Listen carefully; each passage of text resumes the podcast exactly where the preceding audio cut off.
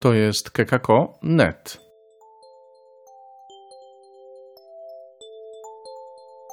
Między wiarą i nauką Chrystus zmartwychwstał. Witajcie. Słychać, że nie jestem dzisiaj w naszym studiu, jestem w podróży, ale w podróży również e, słuchamy rzeczy interesujących, jak na przykład e, naszych spotkań z profesorem Sławomirem Leciejewskim. Dzisiaj będzie czytał dla nas i z nami drugi opis stworzenia człowieka według Księgi Rodzaju. Zapraszam serdecznie.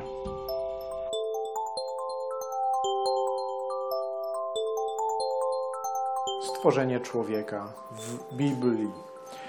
Tutaj, jak Państwo widzą, mamy tak zwaną afiliację. Pracuję w Zakładzie Filozofii Techniki i Rozwoju Cywilizacji, Instytut Filozofii Uniwersytetu imienia Adama Mickiewicza. Zaczniemy od Motta. Autor wszystkim bardzo dobrze znany, zwłaszcza w Polsce. Jest powołaniem teologów i wszystkich ludzi nauki w Kościele, ażeby łączyli wiarę z wiedzą i mądrością, aby przyczyniali się do ich wzajemnego przenikania się. Czyli to, o czym ja będę cały czas mówił, to będę próbował mówić zgodnie z tą encykliką e, Jana Pawła II, Redemptor Hominis, punkt 19. Będziemy raczej mówili o łączeniu, a nie o antagonizowaniu stanowisk.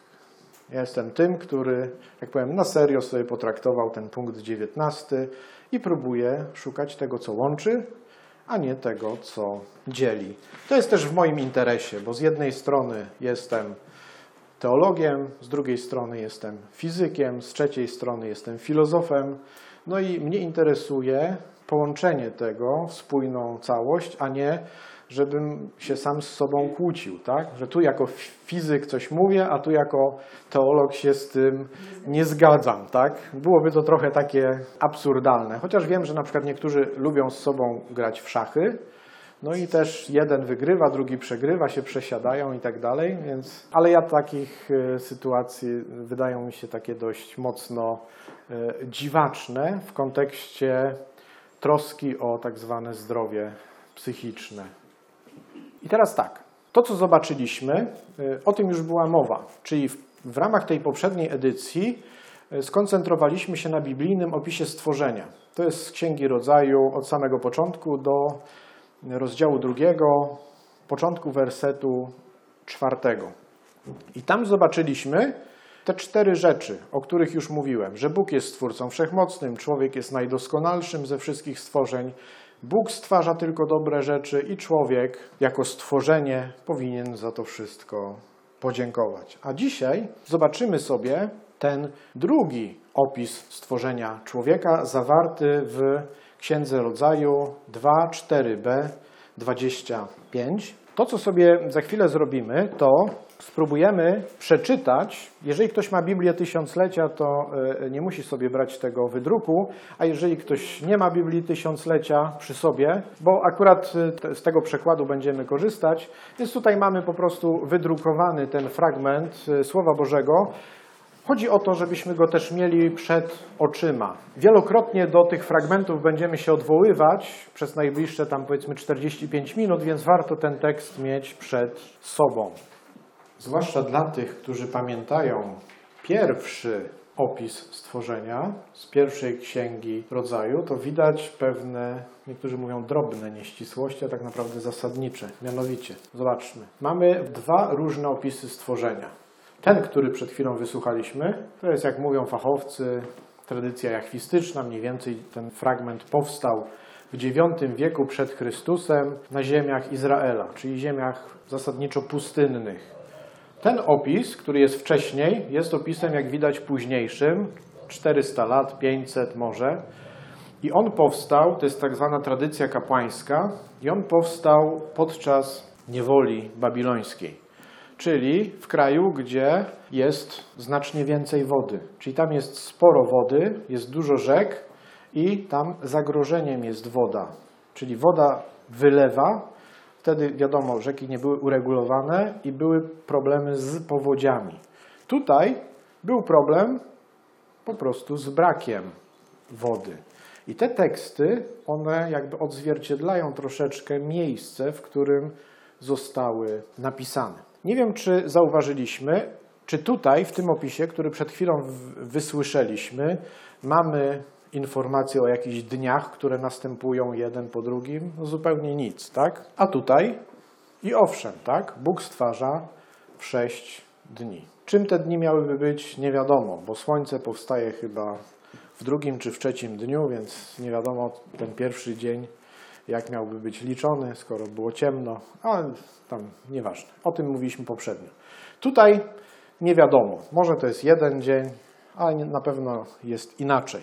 Jeżeli chodzi o ten y, opis y, z pierwszego rozdziału, to tutaj takim pratworzywem, czyli z tego, co, co Bóg zaczyna tam rozdzielać, to jest woda. Oddzielił, Duch Boży unosił się nad wodami. Później rozdzielił, wodę oddzielił od lądu i tak dalej, i tak dalej. Pamiętamy, że tutaj było dużo wody. A tutaj było dużo czego? Piachu, tak? Tu było dużo piachu, więc z czego Bóg stwarza?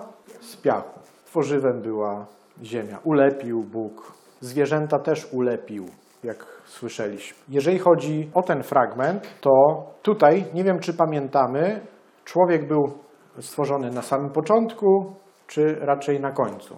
Na końcu. A w tym opisie na samym początku. Tam zwierzęta są dopiero później stwarzane. Więc tu człowiek jest stworzony jako pierwszy, tutaj jako ostatni, tutaj tworzywem jest woda, tu ziemia, tu sześć dni, a tutaj może jeden dzień, a tak naprawdę nie za wiele wiadomo. No i niektórzy kreacjoniści, tak powiem, natężają swoje umysły, jakby tutaj jedno z drugim pożenić. Jak może być pierwszy i ostatni? Dobrze, mamy dwa różne opisy stworzenia. I tak naprawdę to, co mówią wszyscy bibliści, że nie jest to naukowy opis stworzenia, bo gdyby był naukowy, to by był jeden i adekwatny w dodatku. To jest pieśń religijna, zwłaszcza ten z Księgi Rodzaju 1, czyli taki poemat, czyli utwór poetycki. Zawsze mówię ten przykład, gdybyśmy sobie znaleźli jakiś wiersz o samochodach i teraz z tego wiersza o samochodach próbowali się dowiedzieć, jak samochód został wyprodukowany. To jest taka sama sytuacja mniej więcej, tak? No i chodzi o to, żeby pokazać, że Bóg jest stwórcą tego wszystkiego, co istnieje, że Bóg jest stwórcą nieba i ziemi. To jest hebraizm. Bóg stwarza niebo i ziemię, to znaczy wszystko. Warto o tym pamiętać. To, czym my się przez najbliższe może pół godziny, czy tam dwadzieścia parę minut zajmiemy, to jest egzegeza, żeby wyjaśnić słowo. Czyli egzegeza to właśnie wyjaśnianie, tak? czy wyprowadzanie, badanie i krytyczna interpretacja tekstów. To jest sztuka rozumienia i wykładni prawd ukrytych w utworach. Oczywiście, żeby zobaczyć, co też autor, tak powiem, miał na myśli, to musimy wiedzieć, do kogo on te słowa kierował, kiedy on je mniej więcej pisał, w jaki sposób wtedy języka używano, jak wtedy rozumiano określone słowa i tak dalej, i tak. Tak? Jeżeli my sobie czytamy tekst, który powstał 3000 lat temu, teraz, to my myślimy o tym tekście przy pomocy zestawu pojęć, którym dysponujemy teraz, a nie który był w obiegu 3000 lat temu. Po to jest właśnie egzegeza. Oczywiście skorzystamy sobie e, z książki brzegowego Pięcioksiąg Mojżesza, bardzo dobrze opracowanie tego fragmentu Słowa Bożego. On, y, ten termin egzegeza, on jest także w węższym sensie używany w odniesieniu do tak zwanej egzegezy biblijnej. To jest taka ważna część chrześcijańskich studiów teologicznych, gdzie próbuje się dochodzić do sensu tego tekstu. I to, do czego bibliści doszli w kontekście tego tekstu, to przede wszystkim to, że ten tekst składa się z takich pięciu elementów które mm, nam tworzą pewną całość. I tych pięć elementów to jest wprowadzenie, to jest kawałek wersetu czwartego, później mamy historię Adama, to są wersety 4b do 9, później 15-17, później takie wtrącenie o Edenie, rozdział drugi Księgi Rodzaju, wersety 10 do 14, później mamy historię Ewy, to jest wersety 18 do 24, no i zakończenie jednowersetowe 25. I spróbujemy sobie zobaczyć, co też Ci mądrzy ludzie, którzy się Biblią zajmują, czytają w oryginale, studiują kulturę tamtych czasów, z tego tekstu wyciągnęli, próbując go zrozumieć w kontekście tego, do kogo on był adresowany i kiedy powstał. Niektóre rzeczy będą prostsze, niektóre trochę bardziej zawiłe, ale mam nadzieję, że damy radę. Zdanie. Gdy Jahwe Elohim uczynił niebo i ziemię. Tutaj będziemy mieli e, często tłumaczenia takie najbardziej adekwatne, e, zrobione przez tych biblistów w kontekście ich badań i z języków oryginalnych. To jest taka lakoniczna wzmianka o stworzeniu nieba i ziemi.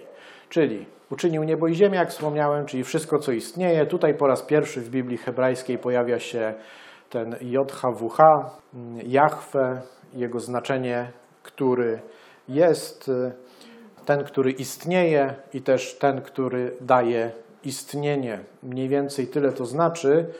Według etymologii tego słowa Jahwe to jest Bóg obecny, aktywny, udzielający pomocy i zbawiający, ale w najszerszym możliwym sensie, czyli każdego człowieka z osobna i cały naród, w tym wypadku naród izraelski. To jest, tak jak mówiłem, tylko wprowadzenie, które mówi o tym, że Bóg stworzył totalnie wszystko, ale On się też przedstawia, kim On jest. Czyli mamy przedstawienie dzieła, stwarza wszystko i kim On jest, czyli jest sprawcą wszelkiego istnienia, jest Bogiem obecnym, aktywnym, udzielającym pomocy i zbawiającym, czyli ratującym. Dalej mamy e, historię Adama, przy której się przez chwilę zatrzymamy. Ta historia zaczyna się od ziemi bez roślinności, czyli od piachu pustyni. Ziemia bez roślinności znajduje się w stanie całkowitego opuszczenia, brakowało bowiem dwóch zasadniczych elementów zdolnych ją użyźnić, czyli deszczu od Boga i pracy człowieka rolnika, który wykopałby na tej równinie mezopotamskiej kanały nawadniające. I tutaj mamy ten fragment. I nie było człowieka, który by dobywał wody kanału i zraszał całą ziemię. Wtedy ulepił Jahwe Bóg człowieka z prochu ziemi i tchnął w jego nozdrza dech życia i stał się człowiek istotą żywą. Ważny fragment. Ale zobaczmy. Przede wszystkim, jakiego Boga tutaj widzimy. Czyli Bóg nam się przedstawia jako, ten, ten tekst w zasadzie przedstawia nam Boga jako kogo? Stworzyciela, ale w sensie dosłownym, zobaczmy. Ulepił Jachwę człowieka z prochu ziemi. Jak ktoś bierze glinę, tak, i z niej ulepia, to jest garncarzem, tak? Okej, okay, ale tutaj zobaczmy, tutaj mamy tego autora, który przedstawia Boga jako garncarza, który lepi z prochu ziemi człowieka. Czyli mamy taki antropomorfizm, czyli troszeczkę Bóg jest przedstawiony jak człowiek, który lepi z gliny, ale ta ulepiona statua jest taka bezduszna, nieżywa. Ona zacznie dopiero żyć, gdy otrzyma od Boga tchnienie życia. No i z tym tchnieniem to jest troszeczkę kłopot, zaraz to sobie rozwiniemy, czyli jak to po prostu rozumieć, tak? Bo są różne dziwne interpretacje w tym kontekście, ale przede wszystkim warto o tym pamiętać, że tutaj, według świętego Augustyna, opis ten należy traktować przenośnie, gdyż Bóg nie ma rąk do lepienia, ani piersi do wdychania. Czyli Bóg by musiał mieć przynajmniej ręce i płuca, tak? Czyli byśmy musieli Boga traktować jak człowieka, gdybyśmy chcieli literalnie czytać ten tekst. Więc już tam w III czy IV wieku święty Augustyn zauważa, że ten tekst no, trudno jest traktować dosłownie, bo byśmy musieli o Bogu myśleć dokładnie tak jak o człowieku. Tak? Ma ręce, ma płuca i tchnie. Jaki jest sens teologiczny? Ci wszyscy mądrzy ludzie, bibliści, co oni z tego wyciągają? Mianowicie przede wszystkim to, że człowiek we wszystkim, z czego się składa, jest zależny od Boga. Czyli to od Boga pochodzi to tchnienie życia, czyli tak naprawdę to życie, którym jest obdarzony. Najczęściej się mówi, że ten dech życia to jest e, taki fundament życia z jednej strony fizycznego, a z drugiej strony duchowego. O tym mają świadczyć takie rzeczy, że człowiek jest tym, który określa istotę zwierząt, czyli on e, jest też, e, że tak powiem, kimś rozumnym, jest w stanie rozpoznać to, co przed nim jest postawione i to w określony sposób nazwać. On też rozpoznaje, kim jest ta jego towarzyszka. O tym za chwilę więcej. I decyduje o własnym losie, czyli też gdzieś tam jest obdarzony, jak później wykoncypowano, wolnością, której pierwszy akt się rozegra w Księdze Rodzaju w rozdziale trzecim. Wszyscy znają wersję z jabłkiem, mimo że tam o żadnym jabłku nie ma. Człowiek otrzymał życie jako dar Boży, ale także jest istotą, która cieszy się udziałem w życiu samego Boga, czyli ma coś z Boga w sobie, czyli nie jest kimś zupełnie odrębnym, tylko coś z Boga ma w sobie. Jakby tyle wystarczy. Później, żeby pokazać, jak Bóg jest dobry, mamy ten fragment i zasadził Jahwe Elohim ogród w Edenie na wschodzie i umieścił tam człowieka, którego ulepił. To jest wstęp do całej historii, która zostanie rozwinięta później. Tak? Czyli mamy to zasadzenie ogrodu, to zostanie rozwinięte w wersetach 10-14 i umieszczenie człowieka to w wersetach 15-25. To jest pierwszy obraz o szczęściu w byciu, w relacji z Bogiem.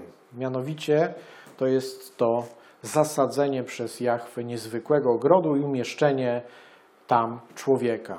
Ten Adamach, niektórzy mówią, że to jest podmiot kolektywny, czyli tak naprawdę wszyscy ludzie, to by sugerowało to słowo, ale o tym może później parę zdań, zostaje przeniesiony do pewnego ogrodu, który cudownie zakwitł we wschodnich rejonach rozległej równiny stepowej zwanej Eden. Czyli to nie jest ogród Eden, warto pamiętać, tylko ogród w Eden, tak? w ziemi Eden. Ok. Wśród obfitości drzew rajskich dwa zostają wymienione z nazwy. Mamy dwa drzewa szczególne.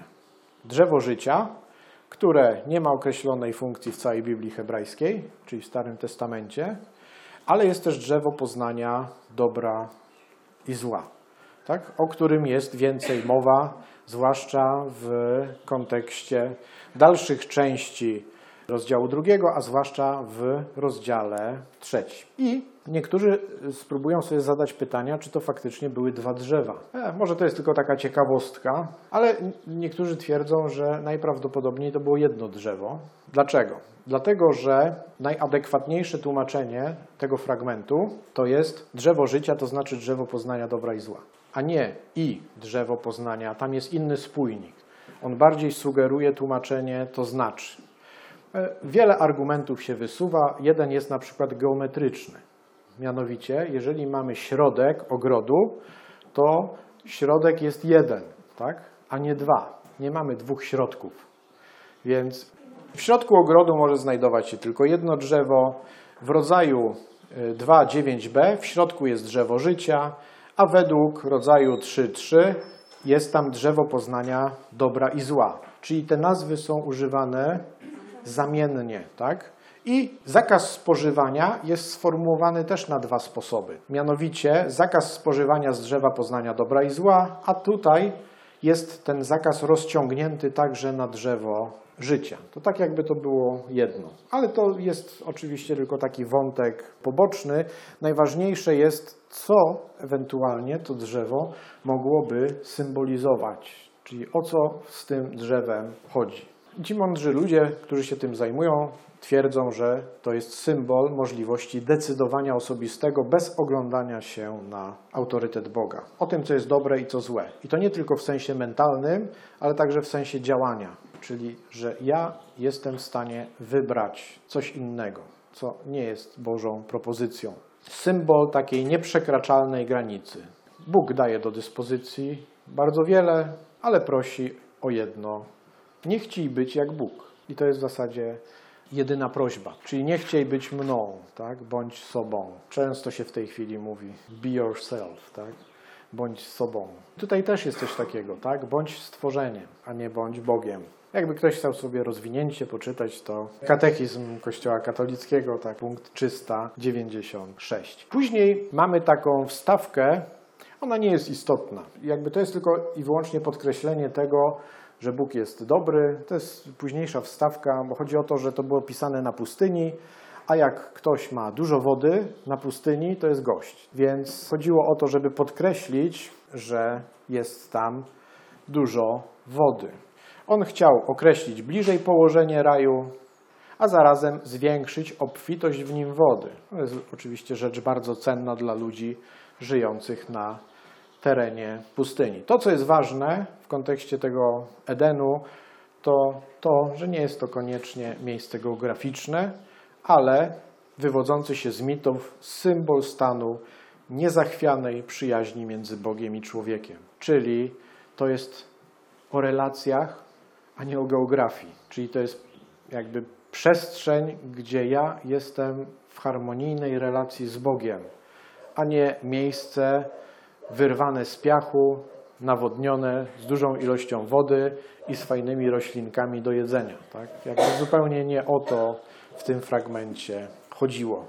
Czyli bardziej jest to tekst o relacjach, a nie o miejscu. Później e, jakby wracamy do historii e, Adama, to jest ten fragment taki dość. Tutaj możesz jeść ze wszystkich drzew ogrodu, ale z drzewa poznania dobra i złego nie będziesz jadł, ponieważ w dniu, w którym z niego zjesz, będziesz zasługiwał na śmierć. To jest w zasadzie właściwe tłumaczenie. W Biblii Tysiąclecia mamy niechybnie umrzesz. Gdyby czytać literalnie Biblię Tysiąclecia, mielibyśmy, jak człowiek przekroczył ten zakaz, to powinien od razu umrzeć. Czym innym jest, będziesz zasługiwał na śmierć, a nie tak naprawdę od razu umrzesz. Ale tutaj ten fragment jest istotny. Następnie Pan Bóg wziął człowieka i osadził go w ogrodzie Eden, aby go uprawiał i strzegł. Uprawiał, strzegł. Człowiek ma kontynuować dzieło Stworzyciela, które otrzymał do dyspozycji, tak? Czyli jest tutaj konkretne zadanie dla człowieka. Otrzymałeś coś fajnego po to, żebyś tego po pierwsze nie zgubił, a po drugie to rozwijał. Czyli nie po to, żebyś to zmarnował i stracił, tylko żebyś to wziął w swoje ręce i rozwinął. Kolejne ładne przesłanie o relacji Bóg-człowiek. Bóg obdarowuje po to, żebyśmy to wzięli i rozwinęli. Bardzo ładny fragmencik. Znowu nie o jakimś ogródku do uprawiania, tak? tylko o relacji. No i tutaj jest to pierwsze przykazanie. Bóg postawił człowieka wobec możliwości wyboru. Człowiek cieszy się dużą wolnością, może spożywać ze wszystkich drzew, z wyjątkiem jednego. No i tutaj jest to, co jest wyboldowane: suwerenność ma granice, czyli nieograniczone panowanie nad wszystkim jest zastrzeżone dla Stwórcy, a dla stworzenia jest ograniczone panowanie nad częścią. I to jest ta różnica, o której tutaj jest pouczenie. Tak? Bo gdyby człowiek miał nieograniczone panowanie nad wszystkim, to kim by był? Bogiem by był. Tak? A to jest tak naprawdę o to chodzi. Tak? Bądź człowiekiem, bądź stworzeniem, nie bądź Bogiem. To jest e, oczywiście z, z sankcją, o której już mówiłem, będziesz zasługiwał na śmierć. Tutaj jest niechybnie umrzesz. e, To jest kiepskie tłumaczenie, jak twierdzą bibliści. W nowszych wydaniach już jest chyba dobrze. Będziesz zasługiwał na śmierć. Tak jest w językach oryginalnych, tak? Ale to jest znowu to zastrzeżenie, że jak ktoś próbuje być takim, e, dosłownie traktować Słowo Boże, czyli tekst Pisma Świętego, czytając w ogóle tłumaczenie, to idzie w manowce, tak? Bo każde tłumaczenie jest już niestety interpretacją, tak? Trzeba wyczytać w oryginale i jeszcze znać kontekst kulturowy i znać język, jak on funkcjonował te 3000 lat temu. Ok, człowiek przed grzechem żył w zbawieniu, czyli szalom, to znaczy w stanie doskonałej przyjaźni z Bogiem, z bliźnimi, z innymi ludźmi. To później się okaże, jak ci inni się pojawią, a w zasadzie ta matka wszystkich żyjących, jak niektórzy mówią, i z otaczającą go naturą, tak? bez zagrożeń, gdyż poruszał się w sferze miłości, troski Stworzyciela. I to jest to, że znowu, to jest tekst o relacjach, o dobrej relacji Bóg-człowiek. Człowiek nie umarł od razu po przekroczeniu tego przykazania, o czym możemy sobie przeczytać w Księdze Rodzaju, rozdział trzeci. czyli będziesz zasługiwał na śmierć. Jak czytamy w liście do Rzymian, chyba rozdział trzeci, zapłatą za grzech jest tak. A to jest, nie jest przedmiotem naszego dzisiejszego opowiadania. Opowiadanie o stworzeniu kobiety jest barwne, obrazowe, antropomorficzne. Widzimy tutaj, to już jest końcówka, Adama, który nie potrafi znaleźć wśród zwierząt oddanych pod jego władzę pomocy, która by mu idealnie odpowiadała i umożliwiała wyjście z samotności. No i tutaj mamy, że widzimy Boga, który tworzy z żebra Adama istotę jemu podobną. To są wersety 21, 22 rozdziału drugiego i później mamy Adama zadowolonego z tej pomocy. To są te trzy fragmenty, które sobie rozwiniemy. Czyli werset 18 na początek. Nie jest dobrze człowiekowi być samemu. Warto o tym pamiętać. Nie jest dobrze być samemu. Jak się jest samemu, to jest niedobrze. Samotność mężczyzny to jest taka dla stworzyciela nuta źle brzmiąca w całości stworzenia. Dlatego wyraża swój zamiar stworzenia towarzyszki. No i tu jest to słowo słynne koinonia, tak? żeby nie być samemu. No i tutaj się okazuje, że mężczyzna, by być takim stworzeniem kompletnym, potrzebuje kogoś podobnego, a równocześnie dopełniającego, z kim mógłby założyć wspólnotę życia. Ale nie znalazła się pomoc odpowiednia dla mężczyzny. Bóg stwarza zwierzęta, lepi je tam i przyprowadza je do człowieka. I co się dzieje? Człowiek poznaje ich naturę i nadaje im imiona. Mówi, że to jest coś żywego. Oczywiście to nie jest fakt historyczny. Gdyby to był fakt historyczny, ja sobie to nawet obliczyłem. Mniej więcej w tej chwili istnieje 6,5 miliona gatunków lądowych i gdybyśmy dali Adamowi tylko na jedno zwierzę 10 sekund, żeby przedefilowało, to jest bardzo mało. 10 sekund. Oczywiście już nie wiem, jakby tam te ryby inne miały defilować. Zwłaszcza na żółwika by czekał długo jakby, i tak dalej. I gdyby on tam siedział i tylko istota żywa, istota żywa, co 10 sekund, jak Katarynka, to musiałby siedzieć przez 6 lat i nic innego nie robić, 7 dni w tygodniu. Jakbyśmy jeszcze te szabaty odliczyli, to byłoby jeszcze dłużej, tak? A gdyby to zajęło nie 10 sekund, tylko na przykład 100 sekund, żeby coś przyszło, to już by było nie 6 lat, tylko by się zrobiło 60, tak? Gdybyśmy ten fragment traktowali dosłownie, no to byśmy się gdzieś tam zakopali. Zresztą on by się zakopał, bo jakby te zwierzęta mu tam defilowały, to by po chwili był w takiej tumanie kurzu, żeby już nic nie widział, podejrzewam. Ale warto o tym pamiętać, że tutaj jakby to służy tylko do wyrażenia prawdy, że cała przyroda ożywiona nie jest w stanie mu dorównać, że to jest coś innego od niego. Mimo, że też żywe, ale nie uzupełniające czy dopełniające ale nie znalazła się pomoc odpowiednia dla mężczyzny, jak czytamy dla, dalej. Zwierzęta są jedynie pomocą zewnętrzną, tak?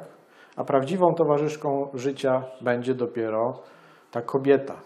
Niektórzy znowu popełniają ten sam błąd i próbują szukać tego uzupełnienia właśnie o kupię sobie pieska, kotka i będzie fajnie. Na pewno będzie fajnie, tak? Nie neguję tego, bo piesek i kotek jest fajny, ale to nie będzie coś na równi, tak? Żeby to mnie uzupełniało.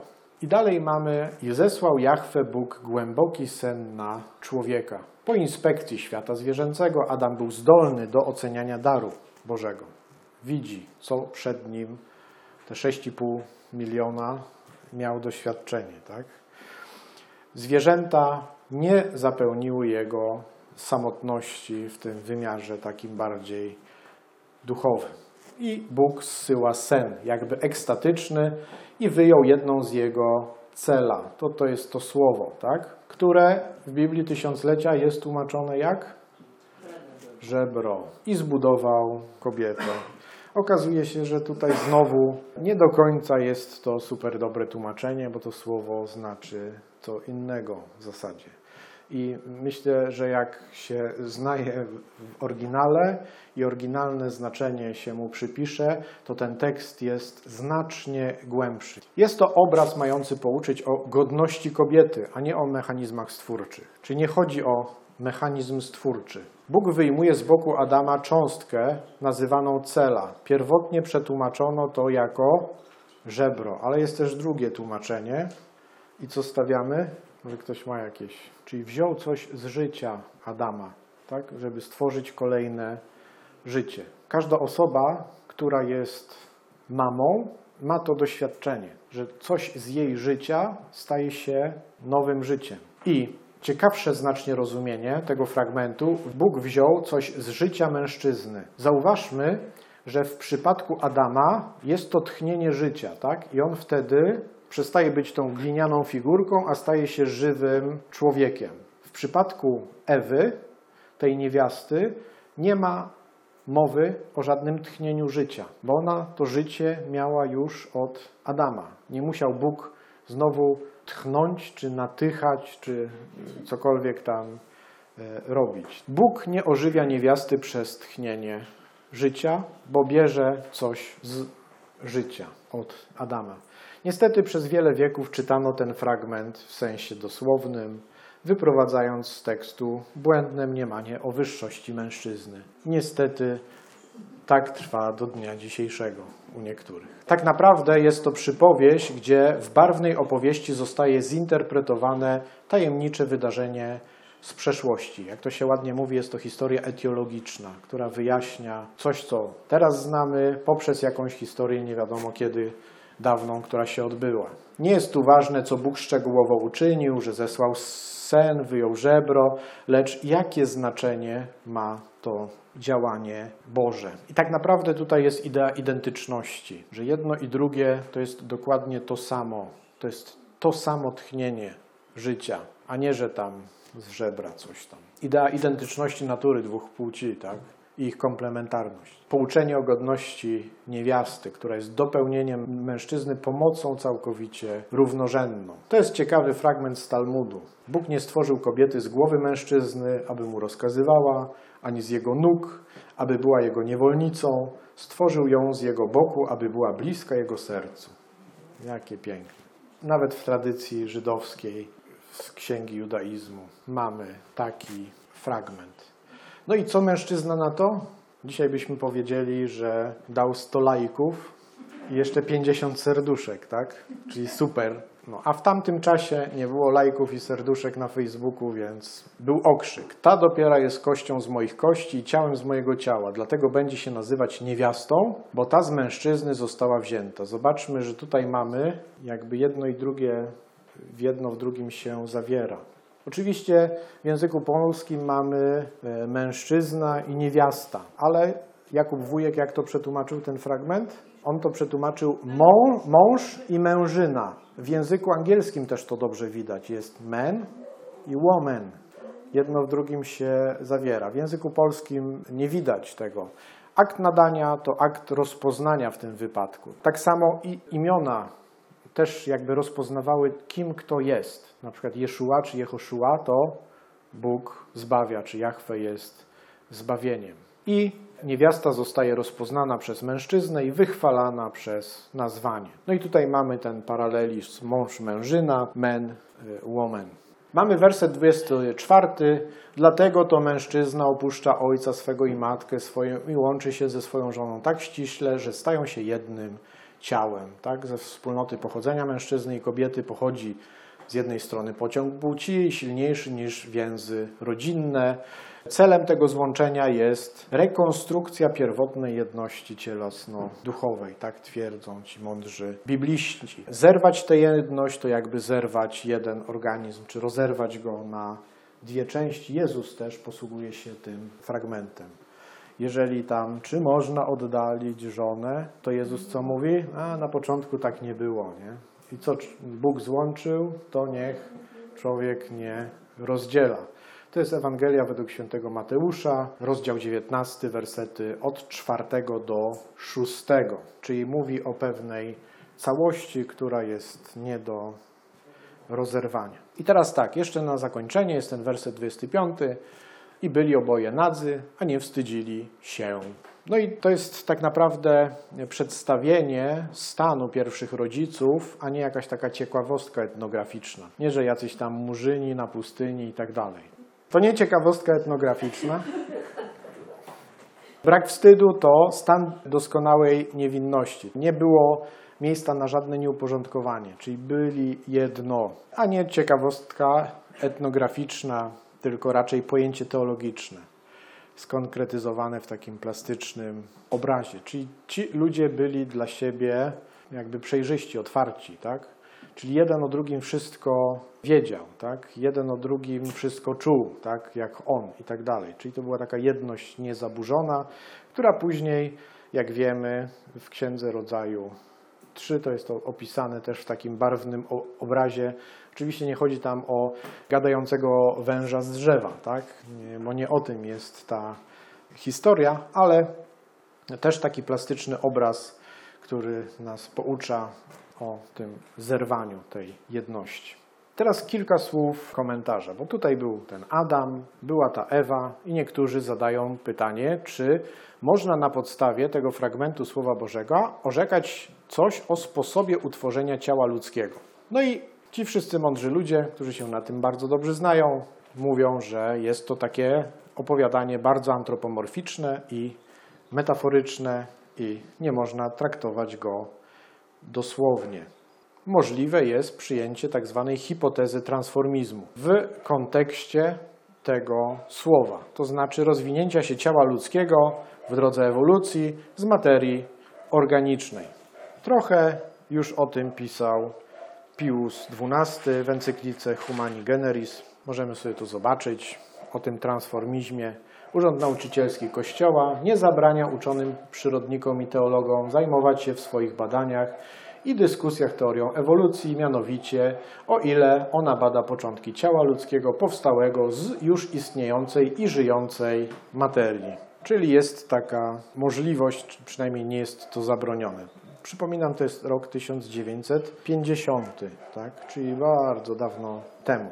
No i kolejne bardzo ciekawe pytanie, czy u początków ludzkości stała tylko jedna para ludzka, czyli czy mamy do czynienia z tak zwanym monogenizmem, albo czy przejście od zwierząt do człowieka dokonało się w szerszej linii, to znaczy czy prarodzinę ludzkości stanowiła większa liczba par ludzkich, czyli poligenizm. Jeszcze jedno pytanie. Czy poligenizm par pozostaje w sprzeczności z nauką Księgi Rodzaju o początkach ludzkości?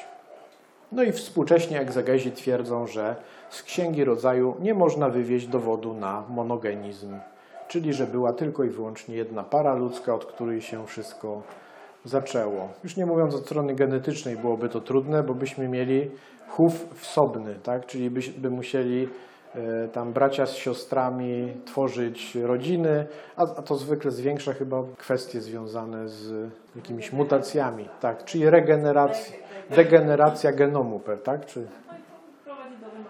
i prowadzi do wymarcia. Czyli gdybyśmy mieli monogenizm, to już by nas tu nie było. Byśmy sobie wymarli. Dlaczego nie e, monogenizm, tylko poligenizm? Z Księgi Rodzaju nie można wywieźć dowodu na monogenizm. To jest e, w Księdze Rodzaju 1,26. I rzekł Bóg, uczyńmy Adam, to znaczy albo człowieka lub ludzi, na nasz obraz, podobnych do nas, niech panują.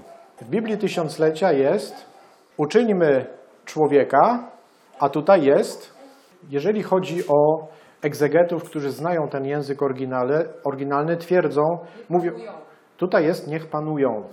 I to jest tłumaczenie z oryginału. Tam jest liczba mnoga i to jest ewidentnie. Tu nie ma liczby pojedynczej. Czyli mamy, i to jakby nikt się, kto zna język oryginalny, nie zaprzeczy temu, że tam jest słowo, które jest liczbą mnogą, czyli niech panują. Mamy raczej, to su- sugeruje wybór tłumaczenia, uczyńmy ludzi na nasz obraz podobnych do nas, niech panują. Tak? A nie uczyńmy człowieka, niech panują, no to brzmi dennie. Oczywiście tu są dwie możliwości, ale to liczba mnoga sugeruje, że tutaj należałoby wybrać tłumaczenie ludzi. Czyli mamy tutaj oryginalne jest liczba mnoga. Adam to osoba wspólnotowa, cała ludzkość. Taka interpretacja pozwala lepiej zrozumieć istotę grzechu pierworodnego, tak? Bo o czym troszeczkę więcej mówimy w trzeciej edycji, ale to jest tak, że dziwnie byłoby ponosić konsekwencje za jednego, tak? Czy za dwóch. I teraz wszyscy ludzie mają ponosić konsekwencje, bo ktoś tam popełnił błąd, ale jeżeli cała ludzkość popełniła błąd, to cała ludzkość dalej ponosi konsekwencje. To jest, e, że jak powiem, bardziej sensowna opcja niż jeden popełnił błąd, a teraz cała ludzkość ponosi konsekwencje. Jeżeli cała ludzkość popełniła błąd, no to cała ludzkość ponosi konsekwencje. Jest to sensowne. O tym więcej w ramach trzeciej edycji. Chwila podsumowania tego, o czym była mowa.